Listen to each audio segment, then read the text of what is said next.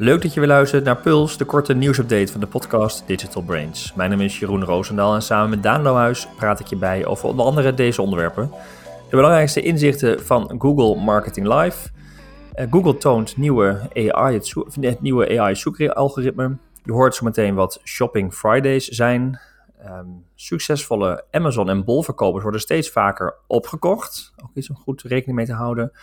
En in iOS 15 wordt het trekken van e-mail beperkt. Hoe dat zit hoor je zo meteen. Ehm, en we gaan het hebben over welke skills je moet hebben in je eigen marketingteam en wat je ook in moet huren. Dat is vaak een, een dilemma, maar ook daar hebben we een, interessant artikel uh, voor je gevonden. Um, maar ga eerst dus beginnen met Digital Marketing Live. Ja, Daan, het grootste jaarlijkse event hè, waarin Google inzicht geeft in alle advertising producten. Het is geweest, uh, op afstand allemaal. Maar inmiddels uh, nou ja, het een en ander wel dus gepresenteerd en gedeeld. En je hebt daar uh, eens even naar gekeken, de headlines. Wat, uh, wat mogen we komend jaar verwachten van Google? Ja, die, die zijn altijd super interessant. want Google I.O. vindt ook dan wel plaats. Hè. Dan hoor je vaak meerdere Google updates en dat soort dingen. Het grote jaarlijkse event waar ze alles uitpakken. Daar is Marketing Live inderdaad ook een, een, een belangrijk ja, milestone in. En daarin Um, ja, en dat jaarlijkse event geeft ze heel veel inzicht in allerlei ja, advertising producten. En geven ze ook echt aankondigingen, soms ook die pas in december live gaan van dit jaar, zeg maar. Die worden dan nu aangekondigd. Dus je ziet gewoon heel goed in grote lijnen wat er allemaal heen gaat. Het is wel moeilijk om eruit te pikken van wat uh, is nou echt interessant. Uh, goed om te weten, de volgende deep dive, uh, of een van de volgende deep dives die we opnemen, daar sluit Nick ook natuurlijk aan dan gaan we het ook hebben over hè, hoe je het maximale uh, uit je Google stack haalt qua, qua advertising. Dus daar zullen we zeker ook op een aantal van dit soort onderwerpen nog wat dieper in gaan. Ja, wat is, meer, uh, is, is meer echt, of minder echte features en veel meer bepaalde trends en ontwikkelingen, meer de grote lijnen die je terugziet uh, van het event? Ja, de grote aankondiging. Dus een voorbeeld ja. ervan, of ja, ook features die heel veelzeggend zijn. Um, ja. Ik heb er even vier uitgepakt, of eigenlijk vijf, die, uh, wat, ja, die ook representatief zijn voor de grotere trend en ook voor de meeste impact hebben. Eén ding bijvoorbeeld is uh, Google Analytics. Um, Google Analytics 4, dat is natuurlijk de nieuwe versie, die veel meer rond uh, event-based tracking is en minder op page views zit. ook veel meer op first-party cookies, et cetera. Um, dat, die zijn ze nu enorm aan het pushen. Dat hebben we al een keer eerder aangegeven. Hè, van als je dat nog niet gebruikt, gebruik dat gewoon. En nu is weer een voorbeeld dat ze um, echt een nieuwe feature hebben die dus niet in Google Analytics 3 komt. Dus wat de meeste websites nu nog draaien, de meeste marketeers. Maar alleen in Google Analytics 4 wordt ge, uh, gereleased. En dat is um, uh, machine learning uh, modellen. Hmm. Die um, uh, proberen om uh, afwijkingen in je data, door bijvoorbeeld dat je stukjes data mist of cookie, uh, cookies worden geblokkeerd, zeg maar, dat, um, of, of privacy blokkades, dat Google eigenlijk met machine learning modellen die gaten gaat dichten.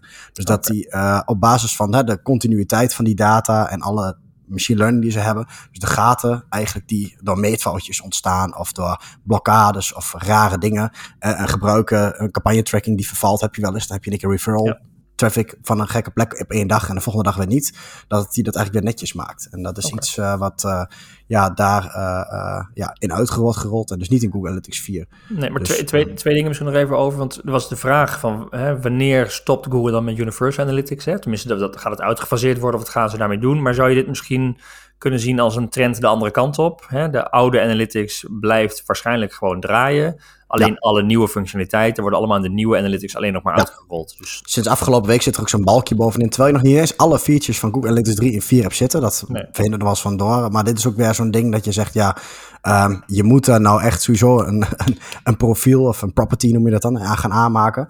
Maar je ziet nu ook dat ze nu ja, maximaal gaan pushen. Er staat zo'n balk bovenin van let op, stap over. En uh, ja, dit soort features die zijn ook gewoon echt oprecht nuttig. Uh, waar ze kennelijk inderdaad ook niet meer de moeite gaan doen om dat in Google Analytics 4 te lanceren.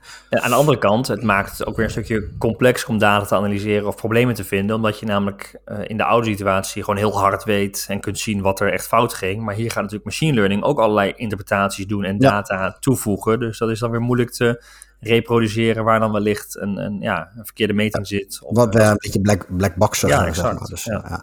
maar goed, uh, dat was één van de dingen. de andere is uh, bijvoorbeeld als customer match campagnes. Um, dat lijkt heel erg op Facebook custom audiences. Waar je dus een, je eigen first party data kan uploaden naar Google. Om die mensen specifiek te retargeten. Daar moet je wel natuurlijk toestemming voor hebben. Dat ja, de klantdata mag gebruikt worden voor marketingdoelen, et cetera. maar eerder kon het alleen maar voor grote campagnes met meer dan 50k budget. Kon je dan custom lijsten uploaden En dat werkt niet specifiek alleen met e-mailadressen, maar dat is echt met contactgegevens. Ook uh, telefoonnummers en dan gaat Google dat matchen uh, met de profielen die ze hebben. Hm. Uh, en dat, ja, dat zijn dus hele krachtige remarketing met first-party data. En dan kan ik Google Search, Shopping, Gmail, YouTube. En dat is natuurlijk sowieso een trend, dan met first-party data, dan ben je dus geen cookies meer nodig uh, om, om tracking te verzamelen. Dus dat is wel iets wat, uh, ja, wat je nu ziet dat Google daarop inzet. Uh, en dat je nu ook dus als advertisers daar mee aan de, aan de gang kan. Um, nou, en je hebt een update van Google Tag Manager. Dat is een hele praktische. daar komt consent mode in. Dus wat het inhoudt is dat je eindelijk daar moesten we altijd, ook als bureau waren we heel druk mee, moest je van die custom triggers aanmaken of je remarketing cookies of advertising cookies wel of niet kon afvuren. Er mhm. komt gewoon een modus in Google Tag Manager uh, geïntegreerd, waarin je dus cookie aan, uit uh, triggers, zeg maar, gewoon kan instellen. En dat scheelt ontzettend veel werk en uh, chaos, ook met het toevoegen van nieuwe tags. Tot nu toe moest iedereen die zelf maken en instellen. Dat wordt dus nu gewoon in Google Tag Manager kunnen netjes regelen met jouw tooling. Dus dat is een hele praktische. Uh, twee andere grote uh, aankondigingen. Performance Max campagnes. Nou, dat is zo'n ding dat kunnen we lekker met uh, Nick gaan induiken natuurlijk in de deep dive. Maar wat het eigenlijk is, is dat je, um, wat je in Google Ads ook al hebt, dat je eigenlijk zelf um, of taglines kunt invoeren. En dat Google dat zelf samenstelt tot de best presterende advertentie op basis van machine learning. Wat werkt het beste voor jouw conversies, zeg maar. Dus je schrijft niet meer de hele ad. Je, je, je pakt eigenlijk de elementen en Google bepaalt zelf van wat is de ideale combinatie van die termen en woorden. Dat kun, je, ja. dat kun, je, dus ook doen met uh, um, uh, video en image en copy tegelijkertijd. En dan gaat Google dus zelf die responsive ads opbouwen uh, over echt heel veel verschillende kanalen heen. En dan gaat hij gewoon smart bidding toepassen van ja, wat werkt nou het beste? Ook weer zo'n machine learning ding. Waar je dus gewoon echt de assets erin kan gooien. En ja, het zullen niet de meest prachtige dingen zijn. Maar machine learning is natuurlijk wel heel krachtig om over verschillende kanalen, verschillende dingen dat uh, te doen. Dus daar zit zeker toekomst in. Um, en dat hebben ze al eerder getest. Het is wel in beta. Volgens mij kunnen we dat uh, met Advice straks ook bieden. Uh, maar in december zal het ook bijvoorbeeld aan iedereen gewoon hebben ze op de planning staan om het bij iedereen uh, uit te brengen. Um, en als laatste, ook een mooi voorbeeldje, uh, dat je bijvoorbeeld auto-suggest ads in Google Maps uh, kunt doen. En dat zijn dus niet advertenties op basis van zoeken. Maar als je dan zegt bijvoorbeeld uh, pizzeria in de buurt, dan als je dan pizza intypt, zeg maar, dat je dan al advertenties en suggesties verschijnen. Ja. Dus op basis van advertentie. Dus dat, dat jij wat gesuggereerd als als volgende stap, zeg maar. Op bepaalde zoektermen kun je dus eigenlijk ja. gevonden worden als een soort suggestie, een alternatief. Ja, ja zonder dat iemand het... boer uh, ook op adverteren bijvoorbeeld. Ja, ja, en Google zal het vooral doen inderdaad als een relevante extensie. Maar dat brengt ook mensen op ideeën als mensen ja. nog niet kunnen zoeken. Dus het is wel grappig. Dus net nog voor de intentie. Ik kan me voorstellen dat je dat misschien in Google Search straks ook al gaat krijgen. Ja. Dat je dus al begint met typen. En dat die op basis van die autocomplete functionaliteit, dat je als adverteerder al een, een soort bieding kan doen om het hm. af te maken met iets wat an mensen anders niet hadden gezocht, zeg maar. Eigenlijk ga je inderdaad, wat je, precies wat je zegt, je gaat de intentie bijsturen. Ze ja, net niet ja voordat mensen het... Ja, uh, ja, ja, dus dat is wel een, uh, een grappige. Dus. Maar goed, dat, dat zijn eigenlijk, ja, er zijn er nog meer. Uh, maar dat, dat zijn eigenlijk, ja, wat ons betreft de, de belangrijkste highlights. Ja. Nou wel highlights voor uh, uh, next level, denk ik, hè, voor veel uh, marketeers. Tenminste, daar moet je wel diep in zitten. Ik kreeg trouwens een, een quote toegestuurd uit onze vorige aflevering. Um, een code uit een API in Screaming Frog zetten. Nou, dat zorgt heel veel bij een van onze luisteraars voor kortsluiting. Want die was oh. kwijt wat dat nou precies betekende. Uh, en hoe dat precies, precies zat. Nou ja, dat kan misschien bij het volgende item. Want uh, dit was Google, oh, nee. is de marketing live. Maar nu heb je ook nog nieuws over het AI-zoekalgoritme van Google. Om het nog maar een stuk complexer te maken. Um, en ik zag termen als MUM, Multitask Unified ja. Mode. Oké, okay, zal ik hem dan heel simpel uitleggen? Ja, de houdt voel aan ja. dat ik, uh, dat ik het, het basaal moet houden. Nee, wat um, ook op die Google I.O.-conferentie uh, werd verteld. Uh, het is heel high over, maar dat is wel super belangrijk. we hebben het eerder gehad over die... We hebben het natuurlijk vaker als Google een grote update heeft gehad.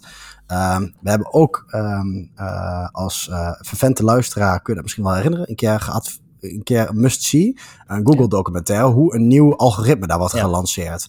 Die heet, um, even kijken, Trillions of Questions, No Easy Answers. Dat is echt een documentaire van een uur. Waarin je eigenlijk het hele Google Search Team uh, volgt in hun uh, dagelijkse werkzaamheden om het algoritme te verbeteren. En wat toen achteraf bleek, is dat ze toen met uh, BERT bezig waren. De Google-update van afgelopen jaar, die echt heel veel opschudding veroorzaakte. Waarin ze eigenlijk met machine learning meer de betekenis van de zoekopdracht die je intypte kon begrijpen. Dus het was niet meer de, de, volgorde van de woorden en de lidwoordjes. En hij ging echt de betekenis ontrafelen. Waardoor ze de zoekresultaten veel beter hebben gemaakt. Niet alleen maar op keywords matchen, maar echt machine learning daarvan hebben gezet. Nou, waar, waarom vertel ik dit? Ehm, ze hebben nu op die Google I.O. dus echt gedemonstreerd dat ze daar weer een volgende stap mee gaan maken. En dat heet dus dat MUM. Dat is weer een ingewikkelde afkorting, inderdaad. Uh, Multitask Unified Model. En wat ze daar eigenlijk mee proberen te zeggen, dat dat MUM, in plaats van dat BERT-algoritme, ook uh, multi kan multitasken. Dus ook bijvoorbeeld um, uh, meerdere betekenissen. Niet alleen maar één zinnetje kan begrijpen, maar ook nog de complexiteit daarbij binnen. Dus hij kan veel meer pakken dan alleen maar één betekenis uitzoeken. Hij kan het over veel meer dingen doen en hij kan ook onder, kijken in um, ook een pagina analyseren, niet alleen maar tekst, maar ook afbeeldingen. Uh, en uh, video's bijvoorbeeld. Dus -hmm. dat algoritme is niet alleen op tekst getraind en zinnetjes en betekenis, maar echt op alle content van pagina's. En nou, ze demonstreren ook een voorbeeld van Um, uh, als ik de, op de Mount Fuji wil uh, uh, gaan hiken, wat moet ik anders doen in de zomer dan in de winter? Nou, dat is een zoekopdracht. Daar zou je Google tien jaar geleden helemaal de weg kwijt zijn. Krijg je puur random resultaten.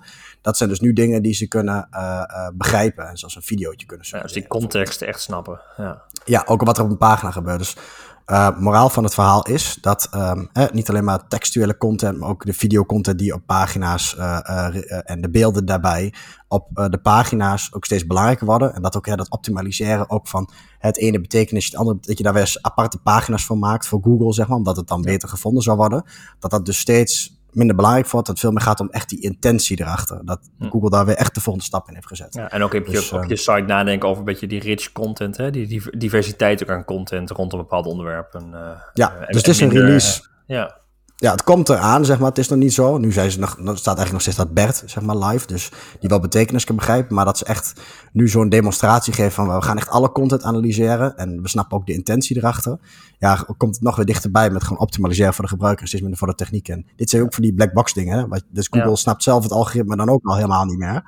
Um, maar, ze, maar, maar wel mooi dus een inkijkje geven. Dat je een beetje op kunt voorbereiden, op elkaar aan kunt passen. Hè. Voorheen kwam het onverwachts en was er natuurlijk uh, dan ook vaak wel paniek dat is ook wel weg. Hè? De, de, de updates zijn logischer, zijn in lijn met. Hè? Ze zijn ook niet meer zo streng of zo. Het zijn eigenlijk echt van dit soort ja, intelligentieverbeteringen die doorgevoerd ja, worden. En minder van uh, wat je vroeger had met, uh, met alle beesten, zeg maar de penguins en de panda's. Ja, daar waren ook updates. Ja. Het was afstraffen van uh, linkbuilding op bepaalde manieren. Het is nu veel meer, de updates zijn veel minder specifiek ook op technieken of op, op schakelaartjes die Google kan overhalen.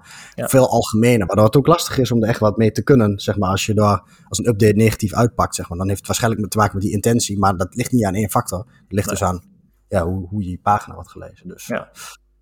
Nou, mooi, uh, mooi inkijkje. En dus al Was het uh, te begrijpen? Ja, goed te volgen gedaan. Ja, ja.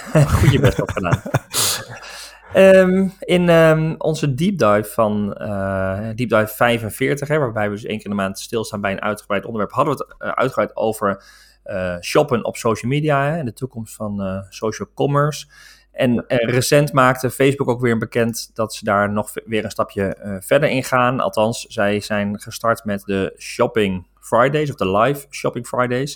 Toen hadden we het er al over, hè, dat je inderdaad influencers die, die, die veel meer inzet, een soort telcel hebben we volgens mij zelfs genoemd, hè? een beetje telcel ja, reclame, ja. waarbij dan op een minder telcel manier, maar wel even dingen ge gedemonstreerd worden, uitgelegd uh, worden. En dat je eigenlijk op dat moment ook wel bijna direct kan gaan, uh, gaan shoppen. Vooral voor beauty en fashion, super interessant. Um, en, en, Facebook start nu met dat soort activiteiten, hè? wat meer de, ja, echt die live shopping experience gaan creëren. Um, voor het eerst uh, half juli, 16 juli geloof ik, starten ze met zo'n uh, met zo'n event. Um, nou, je kunt daar dus de laatste producten ontdekken van je favoriete merken en allerlei vragen stellen direct. Kortom, je hele ja, shopping experience doen en het liefst natuurlijk daarna direct aankopen. Um, je, ze hebben ook aangekondigd hoe je dat dus het beste kunt doen. En dat kun je doen op basis van de streams van je eigen uh, brands, van de Facebookpagina's, uh, via de shop-tab. En nou, het eerste grote event om uh, te starten met de Shopping Fridays. Um, ja, het is echt een goede pilot dat ze dit ook gewoon echt nu daadwerkelijk in de praktijk gaan ja, brengen. Groot van tevoren aangekondigd. En um, nou, inderdaad, daarna ja, is zoveel mogelijk merken proberen aan te laten sluiten. Ja. Um, volgens mij dacht ik iets van verschillende thema's. En uiteindelijk willen ze iedere vrijdag drie merken die dat gaan, uh, gaan opstarten. Um, ja, nou ja, de, we, we, we zeiden toen al een beetje de toekomst van shopping. Het feit dat je direct de experience hebt, direct het kan zien en direct vragen kan stellen. Uh, het gebeurt natuurlijk al veel bij influencers. ja, een, een, logische vervolgstap. Of het echt aan dat moment zit, daar ben ik heel benieuwd naar. Of, of ja je ziet dat, dat het, het is anders dan de algoritmes. Hè. De algoritmes zijn eigenlijk niet meer tijd en moment gebonden. We zeggen wel eens voor echt live kun je beter naar Twitter gaan. Hè, want het algoritme is gewoon nog real-time en chronologisch. Ja, dat is precies de vraag die ik wilde stellen inderdaad. Van, hoe, hoe, hoe, zie, je dit, zie je dit als een experiment? Of als een ja, ik, ik, denk, trend, of denk je dat... Ik denk wel dat Facebook um, uh, dichter op de, uh, op de momenten wil aansluiten. Ik kan me ook voorstellen, het EK voetbal zometeen, hè, de, ook de inhakers daar, de reacties, het samen naar zo'n event kijken, dat ze daar toch ook met dit soort ja, ontwikkelingen uh, beter op willen aansluiten. Um, want dat is uiteindelijk hetgeen wat ook wel ja, een boost geeft. Hè? Op dat moment zit je ook in de emotie van een bepaald moment. En, ja, ja dat, is het wel. Net als een event, een EK-wedstrijd. Dan zit je toch met z'n allen dan live te kijken. En dat heeft toch een bepaalde betekenis. Dus ik vraag me heel erg af, is het nou een bewuste keuze, zeg maar, om inderdaad gewoon een vrijdag te doen? Zodat mensen dan maar moeten. En dat valt het ook zo schaars en een moment van. Of dat ze het nu maar gewoon zo organiseren en misschien later denken wat het ja, niet meer tijds. nee, het zou uh, kunnen dat ze het vanuit de lancering veel meer georganiseerd op vast moment massaal doen. En langzaam wordt het geleidelijk voor ieder merk eh, op eigen gekozen tijdstippen. Dat, is dat zou een hele goede optie kunnen zijn hoor. Dat, ze ik ben, dat ja. uitrollen. Ja, ja. Ik ben benieuwd hoe ze dat zien. Of dat ze juist denken: nee, je moet de kracht van zo'n moment pakken. En dan moet echt gepland en georganiseerd worden. Ja. Dus. En misschien inderdaad wat je zegt. Het is misschien maar gewoon ook een test om te kijken wat dat doet. Maar ik kan me wel voorstellen dat Facebook als platform iets meer aan wil haken. Kijk, bij stories zijn natuurlijk al redelijk in het hier en nu. Maar dat zie je op Facebook al veel minder dan bij Instagram bijvoorbeeld. Um, dus ik kan me voorstellen dat Facebook wel iets zoekt om meer op het moment uh, aan te kunnen sluiten. Ja. Hey, dan hebben we nog een ontwikkeling uh, die we hebben er wel eens voor gewaarschuwd. Hè? Dat, uh, ja, dan heb je je, je aanbod, laat je zien bij Amazon en bij bol.com. En dan gaan of Amazon en bol.com zelf het aanbod overnemen. maar nu lijkt het ook op dat ze daadwerkelijk ook op gaan kopen. Ja, het is nou, het is niet specifiek dat uh, Amazon en Bol worden opgekocht, maar dat er partijen ontstaan die dus alle tussenhandelaren... Ja, die, ja, die, die houden, zeg maar, die, die, zeg maar die, die kijken wat goed werkt en die, die gaan ertussen zitten en die gaan het dan vervolgens weer bij Amazon en Bol.com bijvoorbeeld wegzetten. Bedoel je dat? Nee, het, ja, het, het, eigenlijk, je hebt een hele hoop shops die dus um, van die partijen, die, uh, en die komen wij zelf ook in het wild vaak tegen, ja. uh, dat het een soort van spin-offjes misschien van bedrijven zijn, die gewoon de Amazon en de Bol.com handel afhandelen voor zo'n uh, bedrijf of organisatie. Of ja. iemand die producten verkoopt en eigenlijk gewoon succesvoller is op Bol of Amazon, zeg maar, dan is eigen webshop. Um, maar um, wat er nu gebeurt, en dat gebeurt al in de VS, Terratio, ik had er nooit van gehoord, maar die is eigenlijk de grondleggers. En nu zie je het ook in Nederland ontstaan. Uh, dat heette dan, uh, even kijken, Dwarfs. Die uh, hebben flink wat kapitaal opgehaald en zijn ook aan het opkopen geslaan. En die pakken eigenlijk al die bol.com partners die al wel een miljoenen omzet doen. Mm-hmm. En dan heb ik het over omzet, de marges zijn natuurlijk niet super dik. maar ook tegen logistieke um, uh, dingen aanlopen. Dus uh, producten die ze noemen, een, uh, een, hele mooie voetsteun, een wasbare deurmat, een slimme rugzak. Weet je, die kleine start-ups die toch op een of andere manier uit China een van de product importeren, wat het lekker doet op bol.com, maar ja. op een gegeven moment niet meer kunnen schalen. En die doen ze gewoon een goed aanbod. Dat ze zeggen, hey, we nemen de tent over voor dit en dat. Dus gewoon een cash-out. En uh, gaan ze eigenlijk op schaal uh, al dat soort handel regelen. Dus er ontstaan een soort handelshuizen die dus ja, vanuit China of vanuit hè, de productie of succesvolle misschien lokale bedrijven mm-hmm. uh, producten maken. Die dus um, ja, op Amazon echt uh, ja, de, waarschijnlijk een onderhandelingskracht ook willen gaan gebruiken om een beetje tegenwicht te bieden. Maar ook de logistiek. En uh, de, ja, je kan je voorstellen hoeveel werk het is ook voor een kleine partner. Ja. Om continu aan die bol-eisen te voldoen van retouren, logistiek. anders krijg je weer van die strikes, dan leg je er weer af. En dat zijn gewoon ja, bedrijven die hebben dat soort processen voor elkaar. En die sluiten dus, ja, die kopen die clubjes op. En uh, zo ontstaan er dus ja, steeds een soort consolidatie bij partners. Ja, ja, grotere partners, die, die hè, de kleintjes verdwijnen, de grotere gaan ja. aanbieden, krijgen ook, krijgen ook weer een stukje tegenmacht tegen de platforms. Um, en kunnen ook de marges vergroten, omdat ze uh, ja, veel efficiënter georganiseerd zijn, grotere volumes hebben, uh, veel beter de logistieke keten beheersen en daar dus uiteindelijk ook weer meer winst gaan, uh, kunnen gaan behalen. Ja, dus wat zij aangeven is van die webshops die nu 3 tot 4 miljoen omzet doen, vooral via bol.com, dat zeg ik een prooi als waar, want niemand anders koopt dat op, zeg maar. Niemand, daar kun je zo'n bedrijf nergens aan verkopen. Het is net te klein om uh, echt serieus uh, in e-commerce mee te doen. Uh, ja. Maar ehm, ja, en, en, dus van niemand interessant, behalve dat soort partijen dus. En die, ja, die, die, die doen dat dus, die, die kopen dat op. Dus wellicht heb je een goed lopende webshop. zorg, bel ze even een keer, kun je de tent verkopen. Maar weet ook als als kleine verkoper, dat is je concurrentie zeg maar. En ik denk dat dit ook wel invloed heeft op het spelniveau. Hè? Als zo'n grotere partij mee gaat doen. Dat mhm. betekent ook dat het dus inderdaad serieuzer wordt gewerkt aan de, list, de logistiek, distributie, productinformatie. Dus ik denk dat uh, ook een onderliggende trend is dat het verkopen marketplaces gewoon professioneler wordt uh, op, op topniveau, zeg maar. Als je dit soort uh, dingen gaat krijgen natuurlijk. Ja. Dus ja, wel een interessante ontwikkeling. Ja, en nu in Amerika al zichtbaar, nou ongetwijfeld dus ook op termijn in Nederland. En heb je dus nu dus een handel, zit misschien de concurrentie veel meer in niet zozeer een, een, concurrent, maar een opkoper die jou gewoon op een gegeven moment weer de markt uitkoopt. maar ja, kun je wel eenmaal... Ja, die spullen... Ja, ja of, of inderdaad, je krijgt waarschijnlijk meer druk. En moet je echt wel je, je, je, je spelletje goed op orde hebben, omdat ja, die, die, die middelgrote partijen gewoon gaan professionaliseren. Ja, ja, ja. Nou, interessante ontwikkeling. Hey, we hebben al veel in deze aflevering ook over privacy gesproken, de cookies uh, onder andere. Nu heeft uh, Apple bekendgemaakt dat de mail-app van in, uh, in iOS 15, hè, de nieuwste iOS-update die binnenkort uitgerold gaat worden, uh, dat die mail-app extra bescherming krijgt voor je privacy, of extra bescherming geeft misschien wel voor je privacy. Het gaat namelijk je IP-adres verbergen, je locatie verbergen en het geeft dus ook niet meer door of je daadwerkelijk een e-mail hebt geopend, gelezen en dergelijke. Ja, dus bij je nieuwsbrief, eh, als ik goed begrijp, is dit vervelend voor de nieuwsbriefverzenders, zeg maar. Dat is de marketeers die met nieuwsbrief werken. Als je veel aan e-mailmarketing doet en je wilt ook een optimaliseren, besturen en je, je, nou, je weet nu al bijvoorbeeld dat veel van jouw doelgroep het bekijkt of leest op een uh, iOS-device met de standaard mail-app van, uh, van iOS, van Apple. Ja, dan gaat het wel gevolgen hebben. Dan ga je zo meteen daar echt een stuk data in missen. Ehm, maar goed, wel weer, ja, Apple heeft zich echt geprofileerd uh, op privacy, op het gebied van privacy. Dus wel weer een logische vervolgstap. Maar voor e-mailmarketeers is het wel eventjes uh, balen, uh, kan ik me Ja, we moeten dus even in de puls van begin september even, of schrijf het als marketeer nu alvast in je kalender. Als je open rates in één keer een stuk slechter zijn vanaf september, dan weet je waar het aan ligt.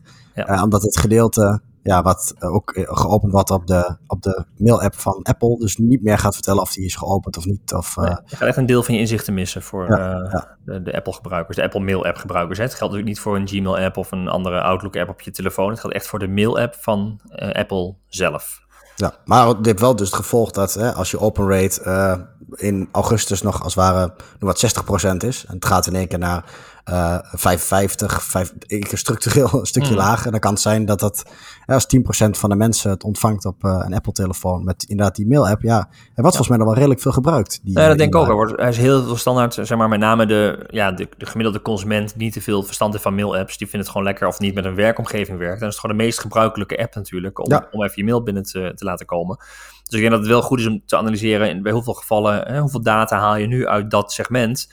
En inderdaad, welk deel verlies je en hoe representatief is het resterende deel nog wat je dan hebt aan data? Hè? Want dan, dan loop je ook het risico dat je inderdaad op andere gebruikers conclusies gaat trekken die helemaal niet gelden voor de Apple-gebruikers bijvoorbeeld. Ja, gewoon dat inderdaad je operates omlaag gaan, maar dat komt dan puur omdat die e-mail-app dat dan niet meer trackt. En dan moet je niet zorgen gaan maken onterecht. Nee, nee, exact, ja. Nou ja, ik zei het al, privacy, dat eh, is op dit moment wel iets waar Apple zich echt probeert op te onderscheiden ten aanzien van bijvoorbeeld Google, hè, waar je ook weet, daar betaal je voor een heel groot deel ook met je privacy uh, uiteindelijk. En in de, de Pulse 25 had ik het over een whitepaper van, uh, van Apple. Ehm, daar hadden ze A Day in the Life of Your Data, of Your Data. Ja, dat is een hele ehm, mooie. Ja, een hele mooie whitepaper waarin ze inderdaad ja, eigenlijk zien hoe, wat is nou de huidige situatie van datatracking, wat gebeurt er allemaal gedurende dus een gemiddelde werkdag ja. uh, met je smartphone en je data die je daarop staan. Ook wat ik het meest treffende voorbeeld daarvan van vond, is dat je dan uh, dat er ook apps zijn die, als je zegt van ik uh, geef even toe, toegang tot mijn fotobibliotheek, want ik wil dat laatste fotootje verzenden, ja. dat ze dan ondertussen alle metadata van je foto's kaal trekken en oh. eigenlijk zo'n app kan weten waar je het afgelopen jaar bent geweest. Ja, je locatie is, trekken ze eruit, al dat soort data trekken ze naar eruit. Maar ging echt mijn hoofd ging poef. Ik dacht, ja, oh, ja tuurlijk. denk Shocking, je, ja. Ja. ja, maar dat wordt dan gewoon gebruikt voor advertentiedoeleinden. Ja. ja, en daarom zie je nu ook dat Apple, hè, de, de iPhones, ook al de melding geven: wil je toegang geven tot alle foto's of selecteer maar een paar foto's waar je toegang toe krijgt. Nu weet je waarom. Nu weet je waarom, inderdaad. Hetzelfde is dat ze nu ook met hè, in die update het hebben over: mag deze app jou tracken? Hè? Dat is ook echt expliciet vragen. Dus ja, ze zijn daar wel, hè, ze, ze brengen het op niet met whitepaper en ze hebben dat ook echt doorgevoerd. Uh, en zijn nog een stap verder gegaan. Ik kwam een hele leuke uh, video tegen. De link naar de video zullen we in de show notes zetten. Maar dat is um, ja, eigenlijk een soort commercial van Apple. en in die video brengen ze op een hele humoristische manier in beeld wat er dan met jouw data gebeurt als je je telefoon gebruikt. echt met een knipoog, maar het geeft wel helemaal beeld hoe je dus achtervolgd wordt door allerlei apps. zonder dat je het soms zelfs door hebt. En nou ja, eigenlijk sluit het ook aan bij hun oproep van bepaal zelf en kies heel bewust wie jou wel en niet mag tracken. Nou, je ziet een voorbeeld wat inderdaad iemand iets opent en langzaamaan komen er steeds meer persoontjes achter die persoon aan rennen en lopen en kijken continu mee met alles wat hij doet. En nou, dat geeft eigenlijk uh, ja, aan dat het, uh, dat het iets is wat redelijk, uh, nou ja, je geeft weer redelijk wat privacy weg. En dat je het is echt een commercial, zeg maar. Dus Apple is ook echt, dat doen ze vaak in de VS, volgens mij niet zozeer hier, maar ze zijn dus echt de, dat, het merk ook via betaalde advertenties commercials echt aan de man aanbrengen van de privacyvriendelijke uh, ja, of Ze, waar ze hem precies wegzetten, dat durf ik niet te zeggen. Maar het is wel iets wat ze op hun, uh, hun officiële YouTube-channel gezet hebben. Het is ook inmiddels meer dan uh, 18 miljoen keer bekeken. Um, en het is een, een video van ongeveer ja, ruim 1 minuut, 1 minuut en 8 seconden. Dus waarvan je echt wel ziet, het is wel commercial waardig. En ik kan me ja. zomaar voorstellen dat ze hem ook wel inderdaad uh, op betaalde ja, kanalen wegzetten, ja. tv wegzetten. Om, om mensen hier bewust van te maken. Dat lijkt wel echt hun strategie. Ja. Interessant. De moeite waard om te kijken, maar je vindt hem in, in de, de show notes, de commercial van, AdWise, van, uh, van, AdWise, van Apple over de privacy. Hey, en jij hebt nog een leuk artikel, of interessant artikel met name, over de dilemma's van wat doe je nou in huis, hè, in je eigen team, en wat doe je nou ook out of house, wat huur je ook weer in bij bureaus. En dat is een, ja. soms verandert dat, verschuift dat, maar het is ook een beetje altijd zoeken. Vertel. Ja, het is, hij is wel pro uh, bureaus inhuren.